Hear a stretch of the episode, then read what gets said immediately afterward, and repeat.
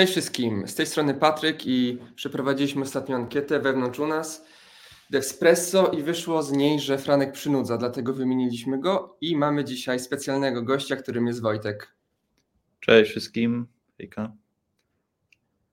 Tak, Wojtek, y, powiedz może nam y, skąd się wziąłeś, co robisz, czym się zajmujesz? Okej, okay. wziąłem się pewnie stąd, że pracujemy razem w jednej firmie, w Software Mansion i ja osobiście jestem w teamie React Native Open Source, gdzie zajmujemy się rozwijaniem bibliotek do React Native i wszystkim związanym z, jakby z tymi rzeczami. Też pracujemy czasem dla klientów. No więc jakby cała baza wiedzy z React Native jest naszą specjalnością. Tak, i dzisiaj mamy m.in. React Native w wersji 0.73, o którym powie nam zresztą Wojtek, bo, bo się na tym zna. Mamy też Astro w wersji czwartej, co jest y, dużym releasem. Mamy też parę mniejszych newsów, o których zaraz Wam opowiemy, a teraz lecimy z intro. Devspresso.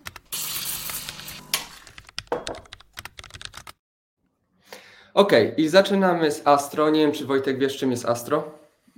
No, kojarzę, ale nie używałem na pewno nigdy. Tak, więc Nasi słuchacze z reguły wiedzą, czym jest, bo opowiadamy o tym średnio co dwa tygodnie, bo z taką częstotliwością wychodzą nowe release, oczywiście mniejsze w Astro.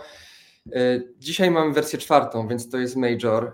Jeśli ktoś nie wie, to Astro to jest taki web framework do tworzenia stron albo takich prostych aplikacji, które są oparte na kontencie bardziej, czyli na przykład dokumentacja, landing page, jakiś e-commerce, tam gdzie się dużo nie zmienia, i bardziej wyświetlacie właśnie jakiś content, który gdzieś macie w bazie danych i do tego to jest jakby najlepsze narzędzie. E, release został tak przygotowany, żeby nie wymagał dużych zmian przy upgrade'owaniu i jedną z większych rzeczy, jakie teraz mamy jest DevToolbar. Jest to narzędzie, które pomaga dewelopować strony i aplikacje z użyciem Astro i działa to tak, że jak najeżdżacie myszką w prawym dolnym rogu, to wtedy pojawia się właśnie taki toolbar z przyciskami. I fajna sprawa z nim jest taka, że można sobie go ekstendować i customować jak chcecie i sobie piszecie własne integracje. Czyli na przykład jeśli chcecie sobie zmieniać w trakcie jakby patrzenia na stronie użytkownika, żeby to był admin albo zwykły user, albo coś zmienić w bazie danych, to możecie to robić bezpośrednio z przeglądarki teraz z użyciem tego dev e, toolbara. Po prostu naciskacie przyciski, to się dzieje, bo to odpala JavaScripta. I mamy wbudowane rzeczy e, teraz w to i jest to na przykład Inspect, który działa podobnie jak inspektor w e, DevToolsach przeglądarkowych, gdzie sobie patrzycie na e, elementy HTML-a, to ten inspect, inspect tutaj w Astro po prostu pokazuje Wam wyspy, które Astro używa, czyli takie interaktywne elementy, które są ładowane na kliencie, które budujecie z użyciem jakichś frameworków albo po prostu w HTML-u i po najeżdżeniu na te wyspy otwiera się taki powiedzmy hover i możecie sobie przejść bezpośrednio do definicji tej wyspy w source code, więc bardzo fajna sprawa do debugowania. Tam też jest wszystko napisane, jakie propy przyjmuje ta wyspa, y, jak ją załadowaliście z użyciem jakiej dyrektywy.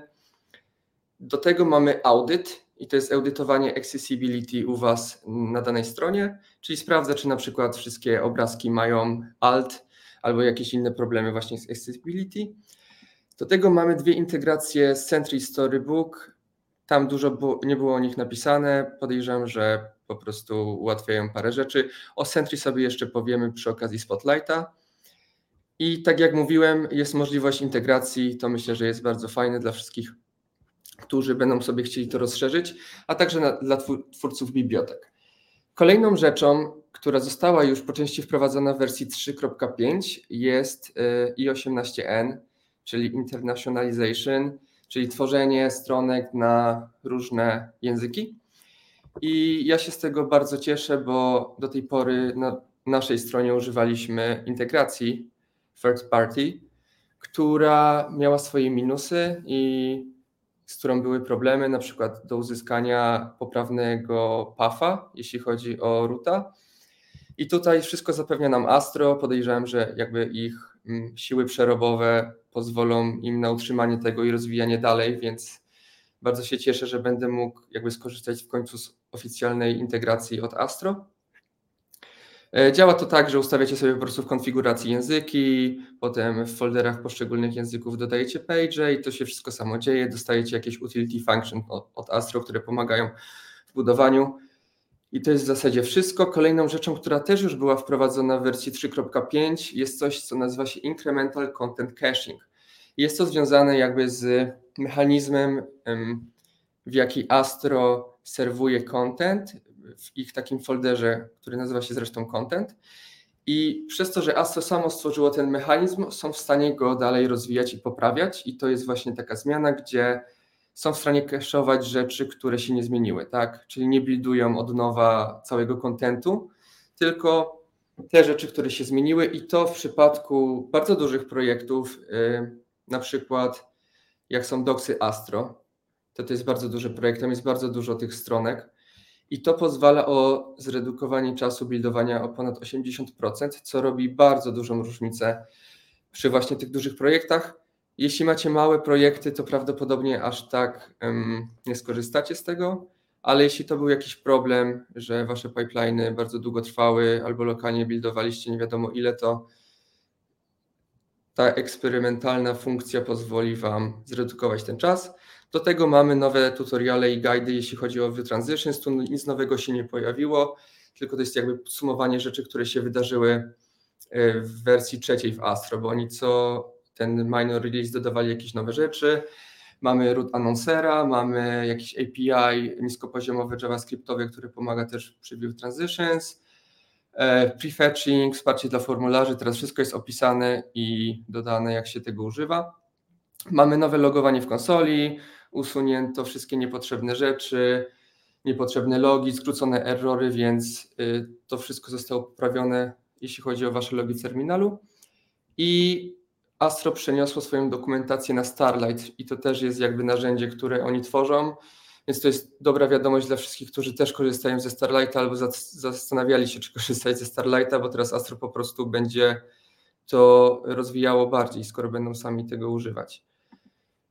I to jest w zasadzie wszystko, jeśli chodzi o to. Y, dużo się tutaj wydarzyło i, ja się osobiście cieszę z tych zmian, bo to są rzeczy, które y, mi się osobiście sprzedadzą. Ten DevTool jest mega spoko i, i 18N mega spoko. Y, Dobra, więc to jest wszystko. Teraz przejdziemy sobie do kolejnej rzeczy i tutaj Wojtek Wam opowie o nowej wersji React Native. Mhm. W sumie chciałbym dodać też, że to Astro moglibyśmy użyć do dokumentacji naszych bibliotek w open source, których robimy w Reactie Native, więc fajnie, że wspomniałeś, bo może nam to się przydać. Fajnie się czegoś nowego dowiedzieć. Dobra, ale przejdźmy już do tego Reacta Native. No i tak jak w ostatnich już paru releasach raczej nie ma jakichś ogromnych zmian. Nie są wprowadzane jakieś potężne rzeczy, przynajmniej na, jeśli użytkownicy kojarzą, jest stara i nowa architektura, to ta stara architektura powoli jest już tak wygaszana, przez co nie raczej wchodzą jakieś bugfixy i takie rzeczy, o których nie będziemy pojedynczych mówić. E, większe zmiany jak zwykle są na nowej architekturze, która też dostaje jakieś breaking change, więc jeśli ktoś już jest na tyle odważny, żeby jej używać, no to będzie musiał się z tym liczyć. Ale z takich rzeczy, które wchodzą ogólnie i które każdy będzie musiał jakoś dostosować, no to mamy y, podbicie i to też takie potężne Javy, bo wcześniej była jedenastka wymagana, a teraz będzie siedemnastka.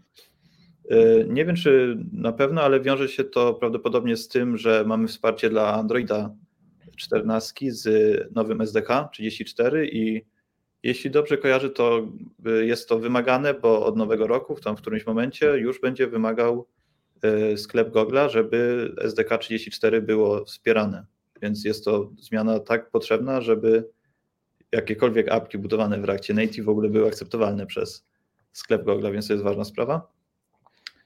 Y, no to analogicznie do Java to mamy podbicie iOS-a do 13.4. Nie jest to duża zmiana, bo ostatnio było chyba 13, więc to jest raczej takie bardziej czyszczenie repo Reacta Native samego, żeby po prostu te jak najwięcej zmian starych, których już praktycznie pewnie nawet mniej niż 1% użytkowników ma poniżej 13.4 iOS-a, po prostu żeby usunąć taki stary kod, który i tak już nie jest potrzebny. I to są te takie zmiany, które po prostu no, są globalne, które musimy jakoś wziąć pod uwagę przy przenoszeniu się, które pewnie i tak będziemy musieli zrobić. A z takich ciekawych nowych rzeczy yy, ogłosili nowy debugger, który będzie oparty na Chrome DevToolsach. Jest to na razie w ogóle eksperymentalny jakiś feature. Yy, nie mówili o tym za dużo w release notesach. Można go włączyć i przetestować. I wiąże się to dość mocno z starym debuggerem, którego jak ktoś używał Reacta Native, to pewnie bardzo dobrze kojarzy, jak się, który się nazywa Flipper. I on od zawsze był raczej takim flaky rozwiązaniem, jakby ludzie nie za chętnie go używali. I to jakby to są dwie rzeczy naraz. Został wywalony Flipper jako ten defaultowy tool i on będzie powoli też wygaszany, bo jest to projekt y, również mety, a ten nowy debugger na razie eksperymentalnie jest dodawany i ma być o wiele lepszy, lepiej się integrować i ogólnie lepiej działać, więc trzymamy kciuki, że tak będzie, no bo jednak y, nawet w ramach y, takiej ankiety, którą przeprowadziliśmy, State of React Native w tamtym roku, to właśnie debugging experience był najgorzej działającym elementem w Reactie Native. Więc też Meta, analizując może wyniki tej ankiety, jakoś postanowiła zrobić coś z takimi największymi pain pointami obecnymi. Więc fajnie, że to się dzieje. E, jeśli chodzi o integrację związane z nową wersją, to Expo SDK 50 dopiero będzie wspierało Reacta Native 73, więc użytkownicy Expo Y, muszą być na to gotowi, muszą uważać, żeby na przykład nie podbijać sobie wersji Reacta Native do 73. Próbowaliśmy to osobiście w naszym y, open source teamie, bo mamy dość mocną integrację z teamem Expo. No i nie działa to tak, tak jakby naturalnie, trzeba tam jakieś hakowate rozwiązania wprowadzać, więc raczej chcecie poczekać na Expo SDK 50, które będzie gdzieś w styczniu najprawdopodobniej, więc z tym bym się powstrzymał.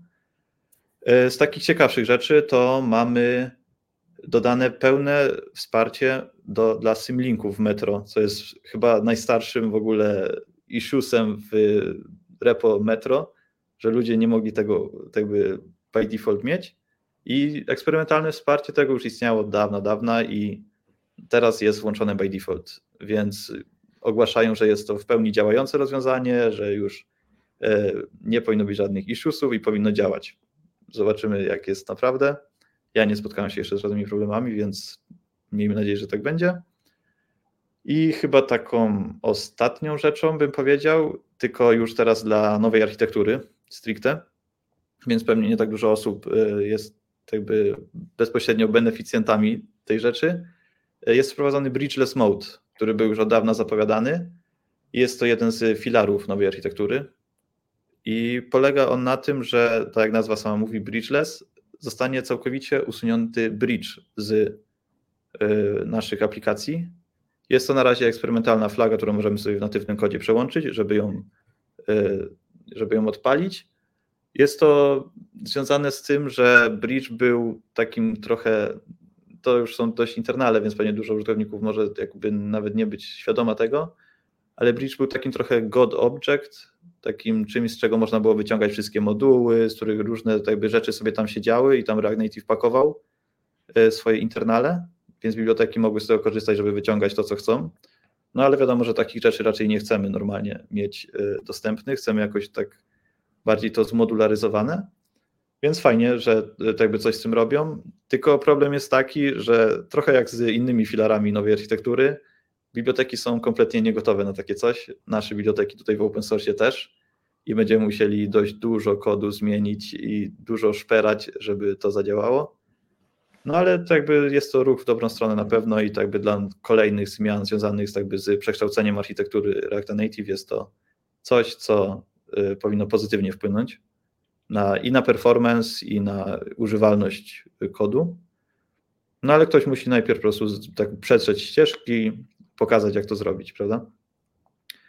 E, więc w skrócie, no, community React Native czeka znowu dużo roboty, tak jak zwykle z nową architekturą, żeby to wszystko przenieść, zaadoptować i żeby to zaczęło działać. No ale jak już ktoś to raz zrobi, no to miejmy nadzieję, że będzie to kopiuj wklejka dla innych bibliotek. I w sumie wydaje mi się, że to tyle z Reacta Native najnowszego. Nie wiem, czy chcesz coś dodać? Jak nie, no, no to... No tutaj nie mam jakichś y, super mega nowych zmian. Są nowe zmiany, ale to jest To nie jest taki tego typu release, to jest bardziej przygotowanie właśnie kilku rzeczy. Jakby jeśli chodzi o debugowanie, to może tutaj jakby zespół React Native z Mety też jakby, tak jak mówiłeś, obserwuje to, co się dzieje i też widziało może, że Expo dosyć mocno inwestuje teraz, e, znaczy, że dużo inwestuje, to może jest za mocne określenie, ale jakby tworzą powiedzmy narzędzie, które właśnie usprawnia debugowanie, przynajmniej z użyciem Expo, więc może React Native też chce coś takiego mieć, mm, żeby nie zostać z tyłu, tak? Mm, to też jest jakaś mała rywalizacja może zawsze.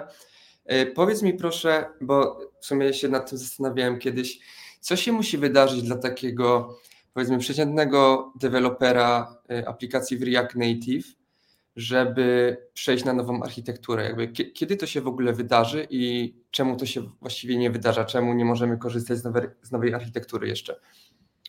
No, tak naprawdę wydaje mi się, że największy problem było to, że Meta wprowadziła możliwość przełączenia się na nową architekturę kompletnie bez takiego kompatybilności z starym kodem.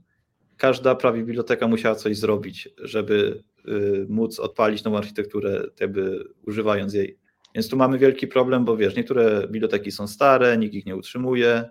Po prostu jakby dodawanie pracy deweloperom bibliotek w momencie, gdy chcesz przejść na nową architekturę, spowodowało, że ona praktycznie umarła od razu i powoli dopiero ją jest adoptowana. Zwłaszcza, że nie ma jakichś dużych, tak naprawdę performance'owych jakby gainów z tego, że ją włączysz. To jest raczej po prostu takie trochę krok w przyszłość dla Reacta Native, coś na czym oni teraz budują. Więc to jest taki największy argument, dlaczego chciałbyś przejść. Jeśli chcesz utrzymywać tak jakby najnowsze zmiany w Reactie Native, chcesz tak jakby do nich aplikować, no to powinno Cię interesować przejście na nową architekturę.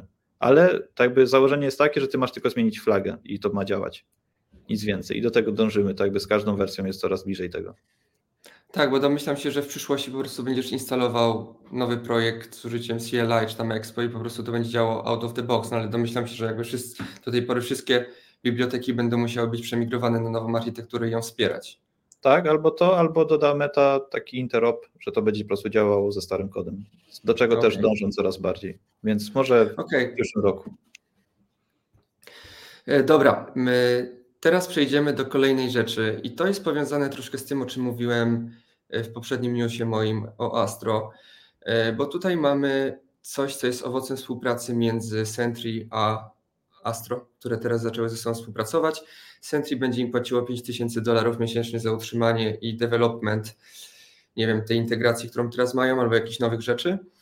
I w skrócie, czym jest Spotlight? Jest to Sentry for Development, czyli jeśli nie kojarzycie, czym jest Sentry w ogóle, może od tego powinienem zacząć, to jest e, takie narzędzie, powiedzmy, trochę analityczne do waszych errorów z apki i sobie po prostu dodajecie w kodzie, żeby jakiś błąd wyłapywać i wtedy on jest wysyłany do konsoli Sentry, sobie wchodzicie na stronkę i sobie debugujecie na przykład na produkcji, co się wydarzyło u was w apce.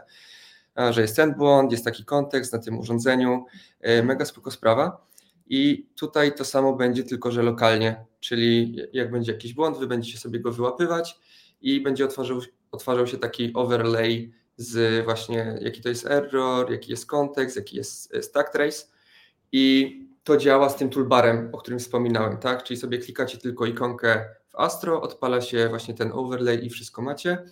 E, działa on za, zarówno w kodzie frontendowym, jak i backendowym i e, twórcy twierdzą, że chcą, żeby to była alternatywa dla narzędzi, które są wbudowane w przeglądarkę defaultowo.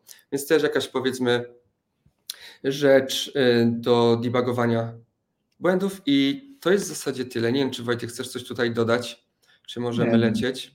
Tak, więc nie będziemy przedłużać i lecimy do kolejnego newsa, którym jest Stylex. Dobra, no to ja może. No to Stylex y, jest to nowa lipka od Mety, więc dalej w tych klimatach. I tak jak oni to ogłaszają, to jest coś, co powstało przez wzięcie najlepszych pomysłów z rozwiązań, które już istnieją i po prostu stworzyli nową bibliotekę do stylowania. Mieliśmy już parę takich, zobaczymy, co z tego będzie. Ale co jest ciekawe, co często się sprawdza, to to, że w mecie sami jej używają, a najczęściej projekty, które są używane przez duże korporacje, są już out of the box dość dobrze zoptymalizowane, więc y, można trzymać kciuki, że to będzie nie najgorsze. No i co z jakby z tak informacji, które dostajemy, to jest, e, ona ma łączyć taki dobry developer experience i jednocześnie ma być dość szybka, bo ma generować CSS-y podczas buildowania, nic w runtime. E, no takie typowe rzeczy związane z CSS-em, czyli wsparcie dla większości klas CSS-a, też nie ma jakichś złożonych selektorów, e, klasy są atomowe, i y, z takich rzeczy to też y, ważne jest to, że to jest trochę składnie ma w stylu Reacta Native, czego się można było spodziewać, bo przecież to jest meta, więc tak by React, React Native, te tematy są dla nich y, tak by no, domyślne. I dlaczego to w ogóle powstało? Dlatego, że oni mają mnóstwo komponentów, bo używają Reacta Native i Reacta, mają mnóstwo komponentów, które naraz chcą, żeby działały na native i na webie więc e, ten Stylex ma być czymś takim, takim klejem, który będzie działał na tak zwanych universal components. To są te komponenty, które właśnie są jednakowe na webie i na mobilkach. I ma to jakby służyć do po prostu stylowania tych komponentów w prosty sposób. I w sumie to tyle. Tak, jakby pro, problem z takimi bibliotekami i metą jest taki, że ludzie widzą, że Meta wypuszcza coś nowego i automatycznie jest szał i teraz wszyscy będą chcieli używać Stylex w swoich projektach, które niekoniecznie będą się sprawdzały, w sensie ten Stylex został jakby stworzony stricte pod metę ich problemy, jeśli chodzi o ogromną aplikację, tak? I to nie jedną, tylko wiele.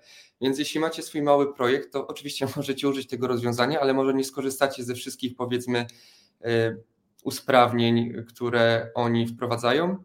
E, spoko rzeczą jest to, że idą w stronę właśnie uniwersalnych komponentów i jakby sklejają native'a z webem, to jest zawsze spoko. I co, no to na pewno mamy mocnego kandydata do jakiejś e, w miarę popularnej biblioteki, przez to, że właśnie to jest e, biblioteka od mety. Dobra, więc przechodzimy do kolejnej rzeczy związanej z webem i jest to coś, o czym ja wcześniej nie słyszałem, a słyszało o tym bardzo dużo osób, bo mają aż 55 tysięcy gwiazdek na GitHubie. Jest to boilerplate e, do tworzenia jakichś prostych stronek i aplikacji w Vanilla.js, e, HTML5 i CSS. W skrócie, mm, jak sobie sami tworzycie jakiś e, indeks HTML, dodajecie JS-a, dodajecie CSS-a, żeby sobie zrobić jakiś szybki projekcik albo stronkę i robicie to ręcznie, to nie musicie robić ręcznie, tylko możecie użyć tego boilerplate'a, gdzie wyko wykonujecie tylko komendę CLI i Wam automatycznie instaluje, tam jest webpack, więc od razu macie dev server i wszystko fajnie śmiga, dodajcie sobie tylko zmiany. I jest to update pierwszy od dwóch i pół roku, więc jakby nic tam się dużo nie działo powiedzmy. Też jakby takie projekty trochę odeszły w zapomnienie, bo mamy dużo alternatyw, mamy Nexta, mamy Astro, więc nie wiem, czy ktokolwiek tak na poważnie używa teraz czystego JS-a i HTML, żeby cokolwiek tworzyć oprócz jakichś prostych stronek. E, ale tutaj mamy małą modernizację, mamy dodanego Prettiera, usunięte jakieś dependencies, które już nie są potrzebne, albo Google Analytics usunęli, bardzo spoko. Zmiana parcela na Webpacka i jakieś posprzątanie repo, więc y, taka ciekawostka może dla tych, którzy właśnie często sobie tworzą jakieś proste stronki. Y, myślę, że tutaj nie ma co przedłużać i możemy przejść do kolejnego newsa, którym jest Elektron 28. Tak, to ja mogę. Tutaj też jakoś nie ma dużo może informacji, które by nas mogły interesować. Co ciekawe, jak się wejdziemy w ogóle na ich blogu, na e, changeloga, to zobaczymy, że w sekcji Notable Changes jest pusto. Więc jakby sami chyba e, twierdzą, że jest to raczej taka zmiana. No, znaczy na pewno tak jak to oni ogłaszają, to jest coś, co ma e, jakby dodać po prostu poprawki do developer experience, na którymi pracowali w Elektronie już od paru miesięcy, więc to, z drugiej strony jest to na pewno ważna i fajna rzecz. Podbijają tam Node'a do 18. Jest to chyba taki naturalny ruch, tak samo React Native robi w najnowszej wersji Chromium tam ma wersję 120, coś tam, coś tam, też po prostu podbijają i V8 też do 12 podbili, więc no są to jakieś tam jakby iście z duchem czasu, że tak powiem. I z takich ciekawszych rzeczy, które oni ogłosili przy tym jest e, wsparcie dla ECMAScripta, moduł z ECMAScripta, więc spoko. Zawsze warto jakby też trochę odświeżyć to, co się wspiera i, i wydaje mi się, że tyle z rzeczy, które moglibyśmy, mogłyby interesować użytkowników. Tak, myślę, że ważne jest to, że jest w ogóle nowa wersja, oni to rozwijają, tam dodają jakieś poprawki, więc to nie jest projekt, który gdzieś tam stworzyli i jest zapomniany, tylko e, cały czas coś się dzieje, więc jeśli ktoś zna Reacta, zna React Native i chce stworzyć jakąś apkę w, e, na Windowsa albo macOSa, to ma, ma takie narzędzie i nie trzeba się uczyć od nowa różnych innych rzeczy, tylko korzystać z tego, co e, już istnieje. Mm, I tym sposobem przechodzimy do kolejnego newsa, który też będzie bardzo krótki, bo tu też dużo jakby nie ma, jeśli chodzi o ten release i ogólnie też dużo nie ma, jeśli chodzi o samą tą bibliotekę. Nie wiem, czy do tej pory o niej wspominaliśmy, gdzieś tam zawsze przychodziła bokiem. Mianowicie Million.js teraz jest w wersji trzeciej i jest to zamiennik dla Virtual Doma dla Reacta, który oczywiście ma przyspieszyć nam y, wszystko, co się da. Nie wiem, jak to w sumie działa tak naprawdę, bo dla mnie React jest już szybki out of the box, chyba że macie jakieś, nie wiem, duże komponenty, które nie wiadomo co robią. E, więc nie wiem, czy to też jest rozwiązanie jakby problemu, że macie wolną, e, wolną apkę w Reakcie i jakby nie zamieniacie, nie zastanawiacie się, dlaczego ona jest wolna i może macie źle stworzone komponenty, źle trzymacie state, tylko przenosicie się na milion.js i on wam przyspiesza wszystko. Jakby wydaje mi się, że to nie jest rozwiązanie. E, jak w ogóle działa Million.js? Rozumiem, że on jakby transformuje reaktowe komponenty na milionowe komponenty poprzez dodanie jakiegoś higher order component. Też nie wydaje mi się, że to jest e, super rozwiązanie, jakby dodawanie kolejnej warstwy, warstwy abstrakcji. Potem ktoś przychodzi do projektu i widzi jakiś, oni używają jakiejś funkcji blok. I to jest tak jak z memo trochę, jak macie w projektach dużo memo, to potem ktoś przyjdzie, używa, nie wie, że to jest memo, i coś źle zrobi, dependencji i, i, jest problem z re-renderem, który potem trzeba szukać. Więc tutaj też mamy kolejną rzecz, że ktoś może przyjść i się zastanowić, co to jest za blok i co on robi, źle tego użyje i znowu jest problem.